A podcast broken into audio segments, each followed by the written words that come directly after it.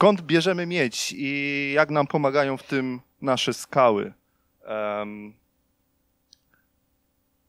E, ja reprezentuję KGHM Kuprum z miedzią, z minerałami, ze skałami, ze skamielinami. Jestem związany od dziecka ze względu na hobbystyczne podejście do sprawy. Z samym KGHM związany jestem 8 lat. E, I y, a z branżą górniczą od roku 2008, kiedy zacząłem studia na Politechnice Wrocławskiej. Także z wykształcenia jestem inżynierem e, górnictwa, doktoryzuję się na Politechnice Wrocławskiej na Wydziale Chemicznym w celu rozwinięcia dalszej drogi e, naukowej w tym względzie. E, my w Centrum Badawczo-Rozwojowym zajmujemy się tym, że wspieramy KGHM w wielu działaniach związanych z optymalizacją procesów. Tutaj akurat mój zakład zajmuje się optymalizacją procesów w hutach, w zakładach wzbogacania ród. Zajmujemy się również gospodarką obiegu zamkniętego. Tutaj mówimy o odpadach wydobywczych. E, zajmujemy się projektami wdrożeniowymi, E, analizami ekonomicznymi, studiami wykonalności, jak również gospodarką wodną pod względem procesowym i kwestią, którą będę dzisiaj poruszał, czyli przeróbką ród. E, zacznijmy od skał. E, złoża miedzi charakteryzują się pewnymi, pewną genezą. Każde złoże stworzone zostało inaczej. Mamy, mamy tutaj przypadku złóż miedzi e, głównie złoża, do, do czynienia głównie ze złożami porfirowymi. E, tutaj możemy dać przykład naszej kopalni w e, Chile, Sierra Gorda. To jest złoże porfirowe. One zazwyczaj charakteryzują się mniejszą zawartością miedzi w stosunku do złóż pozostałych, a złoże, o którym ja dzisiaj będę mówił, jest to złoże sedymentacyjne, LGOM. Jest to skrót od nazwy Legnisko-Głogowski Okręg Miedziowy. E, złoże to nasze złoże KGHM-u znajduje się w obrębie tak strawanej strefy złożowej Kufer-Schiffer, czyli tłumacząc na polski e, łupek, łupka miedzionośnego, która ciągnie się aż od, od Polski po Wielką Brytanię. I nasze kopalnie znajdują się w tym miejscu na Dolnym Śląsku. Są to trzy kopalnie, Rudna, Lubin, Polkowice, Sieroszowice. E, jak powstała, jak powstało nasze złoże, jak powstały skały, z których wydobywamy nasze dobro. E, około 250 milionów lat temu było sobie płytkie złoże, e, które w wyniku ewaporacji ewaporacja tego złoża spowodowała, że z wód tego tego zbiornika wytrąciły się osady, które zdeponowane zostały na, e, na dnie tego morza. E, potem te osady zostały mm, roztworami hydrotermalnymi nasycone związkami miedzi, siarki, cynku, ołowiu. I to jest e, nasza skała. To jest nasza skała, łupek miedzionośny, jedna z, jeden z trzech typów litologicznych, którą, które wydobywamy e, w KGHM-ie. E, skała ta charakteryzuje się tak naprawdę tym, że jest tam cały przekrój tablicy Mendelejewa. Jaki pierwiastek byśmy nie zbadali, gdzieś tam on występuje, ale są pewne podwyższone koncentracje pierwiastków, takich jak miedź, cynk, ołów, srebro, złoto, e, ren, selen, kobalt, nikiel. E, no niestety, e, mimo, e, mimo wszystko występują też pierwiastki, których, które, nas, które nas nie interesują, których musimy się pozbyć w procesie. Takie jak wapń, krzem, węgiel, siarka czy biorąc pod uwagę, że tlen jest najbardziej powszechnym pierwiastkiem w skorupie ziemskiej, również tlen. Jak produkujemy miedź? E, większość z Państwa widzi produkt ostateczny. Jest to miedź w formie katody, walcówki, drutu o zawartości miedzi 99%. E, i ja opiszę Państwu proces, który dąży do tego, że my dajemy hucie pewien produkt o podwyższonej zawartości miedzi w stosunku tego do, co, do tego, co jest e, wydobywane ze złoża, a który często jest pomijany, bo tutaj na prelekcjach nawet poprzednich prelegentów zauważyłem, że mówi się o wydobyciu, ale wydobycie e, nie ma czegoś takiego jak wydobycie bez zakładu przeróbczego. E, stąd my, zanim to stanie się tym, musimy w jakiś sposób wzbogacić. I tu pojawia się problem tego, że rudy kiedyś były bogate. E, jeszcze w XVIII wieku można było wydobyć rudę o zawartości 15%, e, co wymagało później jakiejś formy rozdrobnienia, wrzucenia do pieca. Co prawda produkt, który uzyskiwaliśmy ze względów technologicznych nie miał 99,99%.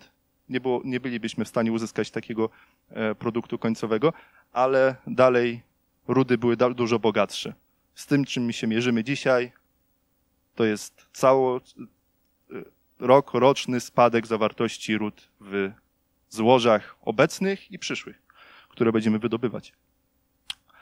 E, wszystko zaczyna się w kopalni. E, w kopalni e, od obecnie w, kopalni Rudna eksploatujemy złoża od 844 do 1200 50 metrów. E, dzielni górnicy pracują 24 na dobę przez cały rok e, w nieludzkich warunkach. E, I chwała im za to. Ta ruda po wydobyciu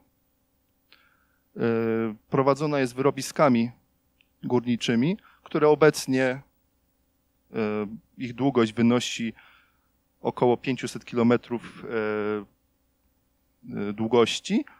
E, jest to tak zwany transport poziomy.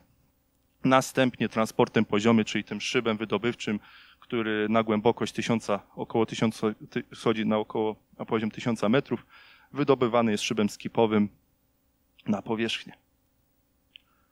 I tu zaczyna się nasza historia, co dalej ze skałami. Często pomijana w, nawet w branżowych e, opracowaniach. Mianowicie wchodzimy na etap przeróbki ród. 80% e, e, światowej przeróbki można opisać według tego schematu, według tych procesów, które tutaj zostały przedstawione. Czy to jest złoże porfirowe w Sierżegordzie, czy w Australii czy w, czy w Chinach, wszystkie one prawdopodobnie wykorzystują taki schemat technologiczny. E, tu oczywiście bardzo uproszczony. E, są to złoża siarczkowe, stąd taki, e, taki schemat ich przerobu. Rudy tlenkowe, które również występują i które przerabiamy między innymi w, w kopalni Franki w E, w Nevadzie.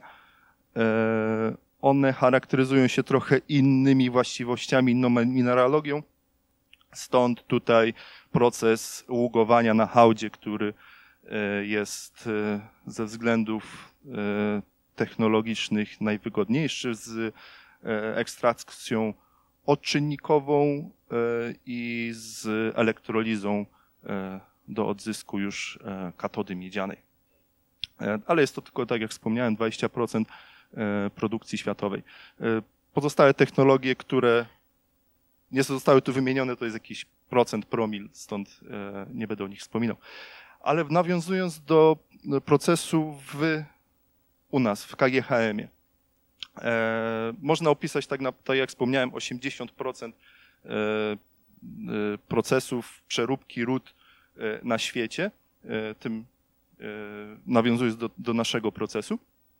I od czego zaczyna się przerób takiej rudy? Ona trafia do nas z kopalni, e, wprowadzana jest w pierwszym etapie na przesiewacz. E, zaraz Państwu wytłumaczę, czemu ten przesiewacz jest taki ważny. Jak, tu, jak, jak widać, tutaj są dwa pokłady sit, jest to przesiewacz wibracyjny, Na każdym podkładzie uzyskiwane jest ziarno o innym, in, in, innym przekroju, innym rozmiarze.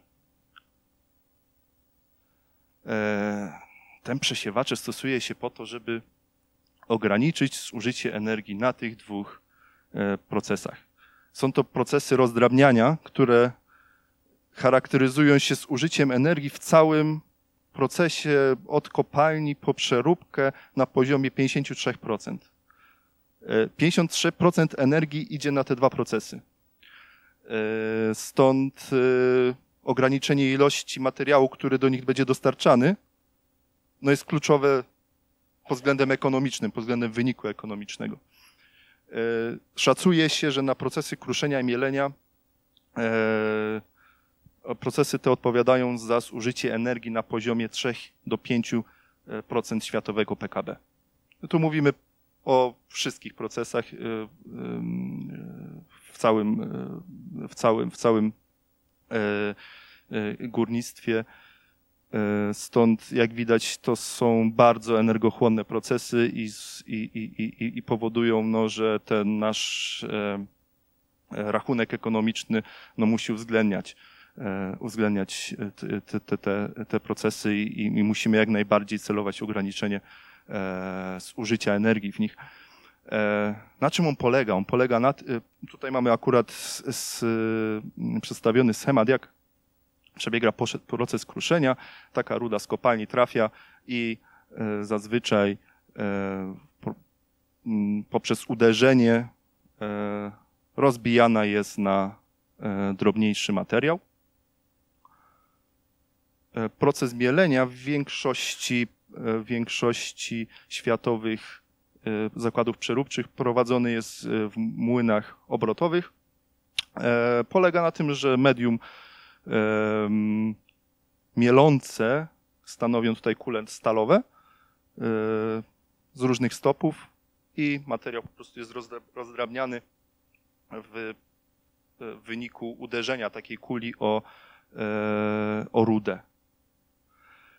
E, co ciekawe, proces ten e, do samego, do samego mielenia, do samego uwolnienia e, tej miedzi, tego minerału z, z, ze skały zużywa 1 do 2% energii. Pozostała część energii idzie na ciepło, hałas, zużywany jest przez, przez silnik więc jak widać jest to proces bardzo nieefektywny, ale wymagany. E, procesami, które są uzupełniające do mielenia, są to procesy klasyfikacji. One wyciągają nam ziarno, które już zostało przemielone, które, y, żeby nie zwiększać zużycia energii, zostaje kierowane do dalszych części procesu, żeby po raz kolejny go nie rozdrabniać i nie zwiększać zużycie energii. Po lewej stronie klasyfikator. E, aha, i należy podkreślić, że mielenie odbywa się zazwyczaj na mokro. E, stąd to wszystko dzieje się w zawiesinie wodnej. Stąd zużycie energii plus wody tutaj e, wchodzi w grę. I jak widać na, na tych schematach, tutaj dochodzi do rozdziału na dwa produkty. Produkt gruby, produkt dolny, produkt górny gruby jest kierowany z powrotem do młyna zazwyczaj, a produkt dolny trafia do procesu wzbogacania, o którym będę mówił wkrótce. E, jak podejść do tego rozdrabniania? Możemy to zobaczyć na przykładzie, e, od jakiej wielkości startujemy. To, co wychodzi z kopalni, są to ziarna o wielkości do pół metra. Czyli taka standardowa pokładowa walizka e, trafia na przenośnik taśmowy na, na przesiewacz, potem do kruszarki. Po pierwszym etapie kruszenia uzyskujemy ziarno o wielkości no mniej więcej takiej kartki papieru, którą przyklejamy sobie na lodówkę. E, kolejny proces mielenia to już jest, e, to są już ziarna o wielkości mrówki, a naszym docelowym rozdrobnieniem jest niesporczak. E, Nie wiem, czy Państwo znają to stworzenie. Moja partnerka bardzo się tym zajmuje, stąd jest fascynujące. Polecam się z nim zapoznać, bo jest, jest, jest, jest bardzo ciekawe, przeżyje nas wszystkich. Jest przy tym bardzo, bardzo, bardzo małe. I jeżeli popatrzymy, jaki to jest poziom rozdrobnienia, startując od 5000 mm do 0,2 mm rozdrabniamy ten materiał tutaj nawet ponad 2,5, 25 tysięcy razy. Stąd ta energochłonność tego, tych procesów rozdrabniania jest e, tak wielka, bo musimy dotrzeć do tego, do tego ziarna mineralnego, które jest tam ukryte e, i jest taki, e, taki niewielkie. To są, to są minerały rudne, które, y, z, z których odzyskujemy miedź. Y, one tutaj są pokazane w takiej formie makro. Tutaj może puszczę Państwu do obiegu, jak to wygląda w formie fizycznej. Proszę bardzo. E, to są, e, to zazwyczaj nie wygląda tak pięknie jak na załączonym obrazku. E, zazwyczaj jest to po prostu skała, ciemna skała. Mineralizacja jest bardzo rozproszona, stąd minerały, które my odzyskujemy, to jest poniżej, one mają wielkość poniżej 100 mikrometrów.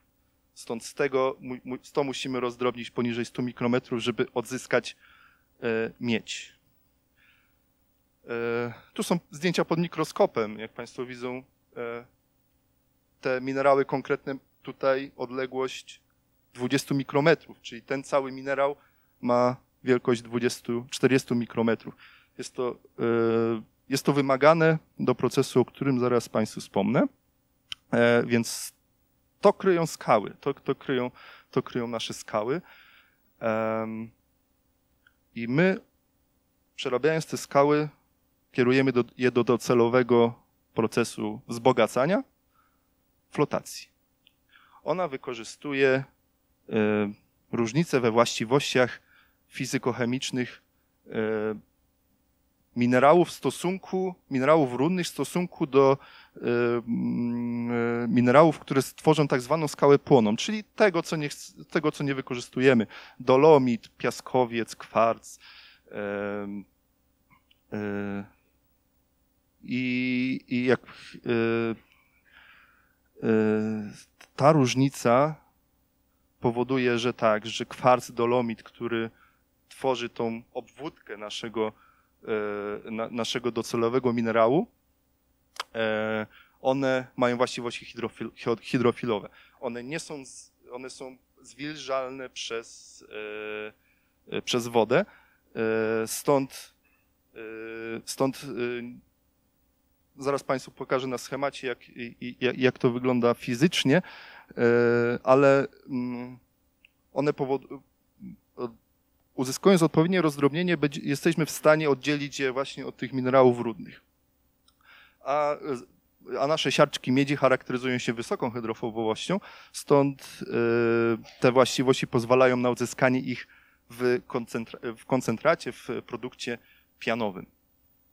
E, tak to wygląda bardzo czysto, bo e, proces niestety nie, nie, jest, nie, jest, taki, nie, jest, nie jest taki piękny jak na załączonym schemacie, e, gdzie ten minerał dolomit, nazwijmy to dolomit, on e, przez swoje właściwości hydrofilowe, przez swoją zwilżalność wodą, on nie przyczepia się do tak zwanego do, tak, do pęcherzyków powietrza, które wykorzystujemy w procesie i nie jest wynoszony do,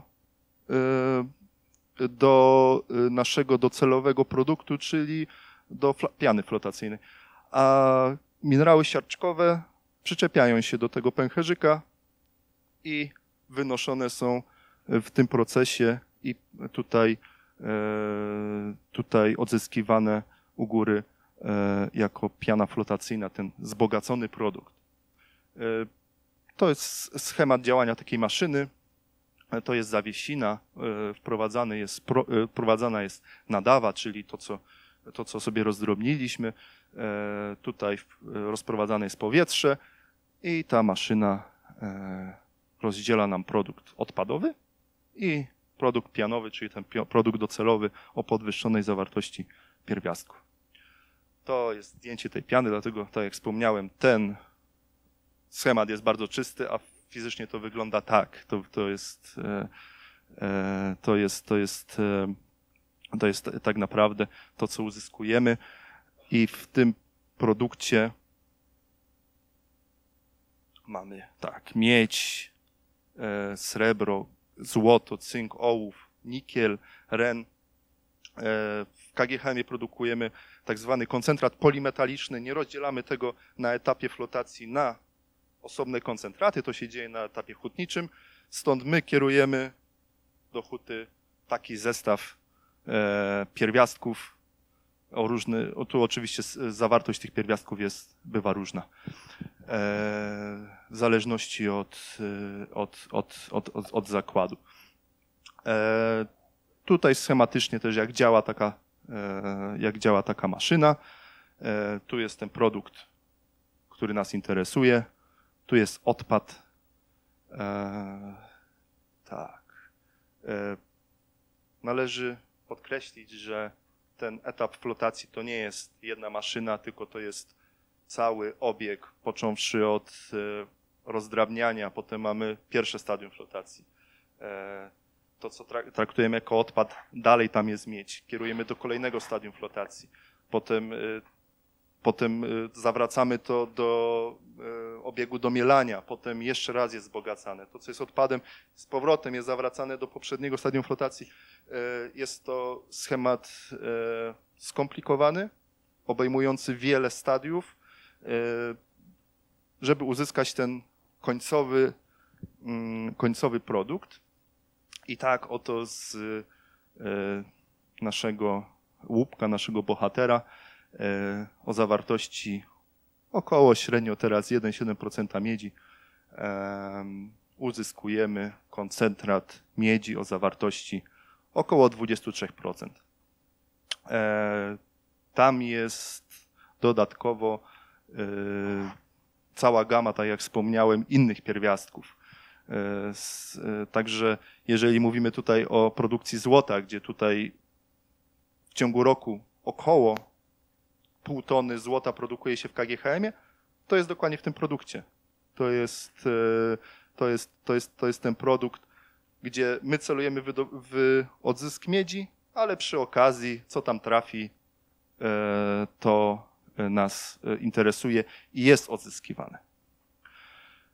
Następnie koncentrat taki jest skierowany do procesu odwadniania, filtracji, a a następnie do e, suszenia w piecach obrotowych, aby uzyskać e, wymagane przez huty e, zawartość, zawartość wody.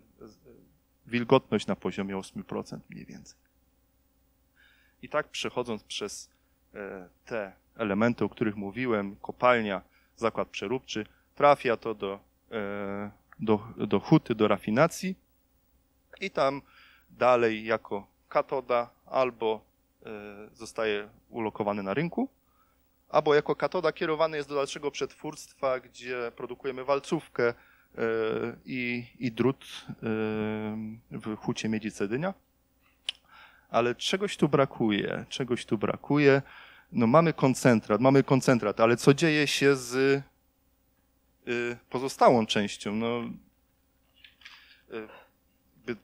mamy, gdzieś powinien być jeszcze odpad. No i tak, y, dając, biorąc pod uwagę, że w 2021 roku, to są dane za 2021 rok, bo za 2022 jeszcze nie są publikowane, e, wyprodukowaliśmy około 1,74 miliona ton koncentratu, co stanowi wagowo około 6% e, w stosunku tego, co zostało kierowane do zakładu wzbogacania a to z kolejności zostało przetopione na oś 360 tysięcy ton miedzi elektrolitycznej. E, a co z pozostałą częścią? To jest nasz odpad. To jest nasz odpad. 28 milionów ton odpadu, około 34, 94% o zawartości miedzi, 0,24% kierowane jest do unieszkodliwiania. Czyli jak Państwo widzą, y, do zakładu wchodzi 100% tego, co wychodzi z kopalni, a do dalszego przerobu wchodzi nam tylko 6%. 94% jest traktowane jako odpad. E, to należy podkreślić, że te 0,24% miedzi są, to są e, minerały, które bardzo, bardzo, bardzo ciężko odzyskać na tym etapie technologii. E, w przyszłości jak najbardziej to złoże, to będzie traktowane jako złoże antropogeniczne, ale na tym etapie to po prostu ekonomicznie się nie kalkuluje, stąd zbieramy to na przyszłość. E, tu zdjęcie z naszego pięknego żelaznego mostu, jednego, e, to jest największy zbiornik odpadów flotacyjnych w środkowej Europie. E, wygląda jak nad morzem. W wodzie raczej ra nie radziłbym się kąpać, ale pływają po nim kutry, bardzo ciekawe widoczki, to akurat jest wschód słońca, jakiś lipcowy poranek, jak tam pływałem. E, co z tymi odpadami? No, tak jak wspomniałem, na tym etapie technologii odzysk miedzi tutaj e, nie jest opłacalny. Przy tym, co my testowaliśmy, bo mój zakład również, zajmujemy się tym od lat. Prowadzimy akurat projek aktualnie projekty, które pozwalałyby na zagospodarowanie tego między innymi w drogownictwie czy w budownictwie mieszkaniowym, przemysłowym. Więc e, tutaj ten odzysk minerałów jakby odkładamy na dalszy plan. Staramy się w jakimś stopniu zagospodarować to też e, gospodarczo w inny sposób. No i dalej szukamy pomysłów. Tu na, na bieżąco y, w tym momencie również idzie parę projektów, które realizujemy w tym zakresie. E, stąd e, wydaje się to być bardzo obiecujący kierunek, jeżeli chodzi o zagospodarowanie tu odpadów innych niż, niż odzysk miedzi czy pierwiastków z, z, z tego materiału. No i to, to jest koniec naszej, y, naszej skały. Ona, ona skończy jako, jako odpad flotacyjny, więc ta historia została przedstawiona. Ale jeżeli chodzi o samą przeróbkę, mierzymy się tutaj z, ze światowym spadkiem zawartości w pierwiastków w złożach. W naszym złożu też, e, począwszy od początku eksploatacji, gdzie to było 1,85, 1,90%, teraz mamy już 1,70%. E. E, a, żeby utrzymać produkcję na bieżącym poziomie, wymaga to zwiększenia przerobów, bo jeżeli mamy mniejszą zawartość miedzi, a chcemy uzyskać tyle samo produktów, to musimy, go, musimy przerobić więcej rudy. E, to się przekłada na zużycie energii, na zużycie wody, na zwiększenie ilości odpadów, na pogorszenie się wskaźników technologicznych przy uboższej rudzie. E, stąd wszystkie projekty, e, nawet teraz, jeżeli mówimy o Sierze Gordzie, że mówimy o zużyciu energii, tam zakład pracuje już tylko na OZE. Wyeliminowaliśmy, wyeliminowaliśmy paliwa kopalne jako źródło energii. Recycling wód nie w naszym przypadku, e, w przypadku KGHM-u mamy ten plus, polskiego KGHM-u tutaj na Dolnym Śląsku mamy ten plus, że nasze kopalnie są zawodnione, więc nam wody nie brakuje. E, mimo wszystko ją wykorzystujemy w procesie ile, ile można, e, zgodnie, zgodnie z taką polityką właśnie obiegu zamkniętego, ale patrząc na to, gdzie są największe złoża miedzi, E, one są w, w obszarach, które dotykane są przez niedobór wody. Stąd tam problem jest znacznie większy, e, gdzie na przykład Sierze Gordzie woda dostarczana jest z oceanu e, rurociągami o długości 400 km do, do zakładów wzbogacania. A przerób jednego zakładu, który tam mamy, teraz już trochę więcej, ale jest w KGHM-ie wszystkie zakłady przerabiają 100 tysięcy ton rudy dziennie. Tam jeden zakład przerabia tyle. I on docelowo będzie przerabiał 200 tysięcy ton rudy dziennie. Stąd proszę sobie wyobrazić, jakie to jest e, zapotrzebowanie na wodę w, na środku pustyni, gdzie nie ma dostępu do takiej wody. Stąd y, tam wprowadzane są wszystkie możliwe technologie związane z odsalaniem wód, z możliwością redukcji ich parowania y, i możliwością ponownego wykorzystania w procesie. Także to jest taki bardzo, bardzo, bardzo um, e, palący temat, jeżeli chodzi o światowo, światowe wydobycie e, miedzi i nie tylko. Um, jeżeli chodzi o takie projekty, które my realizujemy e, po to, żeby ograniczyć e, zużycie energii, zużycie, zużycie tej wody, e, jakoś poprawić wpływ na środowisko, czy zmniejszyć koszty eksploatacji, to z takich, których ja uczestniczyłem, e, technologia Biomor, gdzie, e, gdzie zbudowaliśmy instalację pilotową w wyrobisku górniczym w kopalni Rudna i zatłaczaliśmy do, do, do wyrobiska, do, do calizny kwas siarkowy. Kwas siarkowy, instalacja miała tak zwany bioreaktor, który e, wspomaga e, reaktywację e, czynnika utleniającego. Nie będę wchodził w szczegóły. W każdym razie docelowo ta technologia miała prowadzić do tego, że odwiertami zatłaczalibyśmy kwas siarkowy do złoża, a z drugiej strony wyciągali ten kwas siarkowy, który zawierałby miedź i inne pierwiastki i przerabiali na na powierzchni e, w zakładzie przeróbczym. E, jest to technologia na takim etapie rozwojowym, bym powiedział, ale gdyby to się udało, to nie trzeba by budować szybów, schodzić tysiąc metrów pod ziemię, wydobywać tego na powierzchnię, tylko wszystko działoby się pod powierzchnią, pod powierzchnią ziemi. Mamy tutaj też taki projekt, który na etapie jeszcze wychodzenia z kopalni ruda byłaby klasyfikowana na tą, która ma mieć, bo trzeba podkreślić, że tam jest, są ziarna, które nie mają miedzi albo mają jej na tyle mało, y, że nie nadają się do procesu wzbogacania. Stąd można, je, można by było je wydzielić i wydzielenie na przykład 10% y, tego materiału i nie kierowanie go do procesów mielenia, kruszenia, no zmniejszyłoby nam gwałtownie e, użycie energii procesie, stąd e, to też jeden z takich ciekawszych projektów, gdzie wykorzystujemy, wykorzystujemy e, promieniowanie rentgenowskie, e, promieniowanie w zakresie podczerwieni w świetle widzialnym do określenia właściwości tego materiału i wydzielenia materiału, który nas nie interesuje przed docelowym procesem wzbogacania. Dziękuję bardzo za uwagę.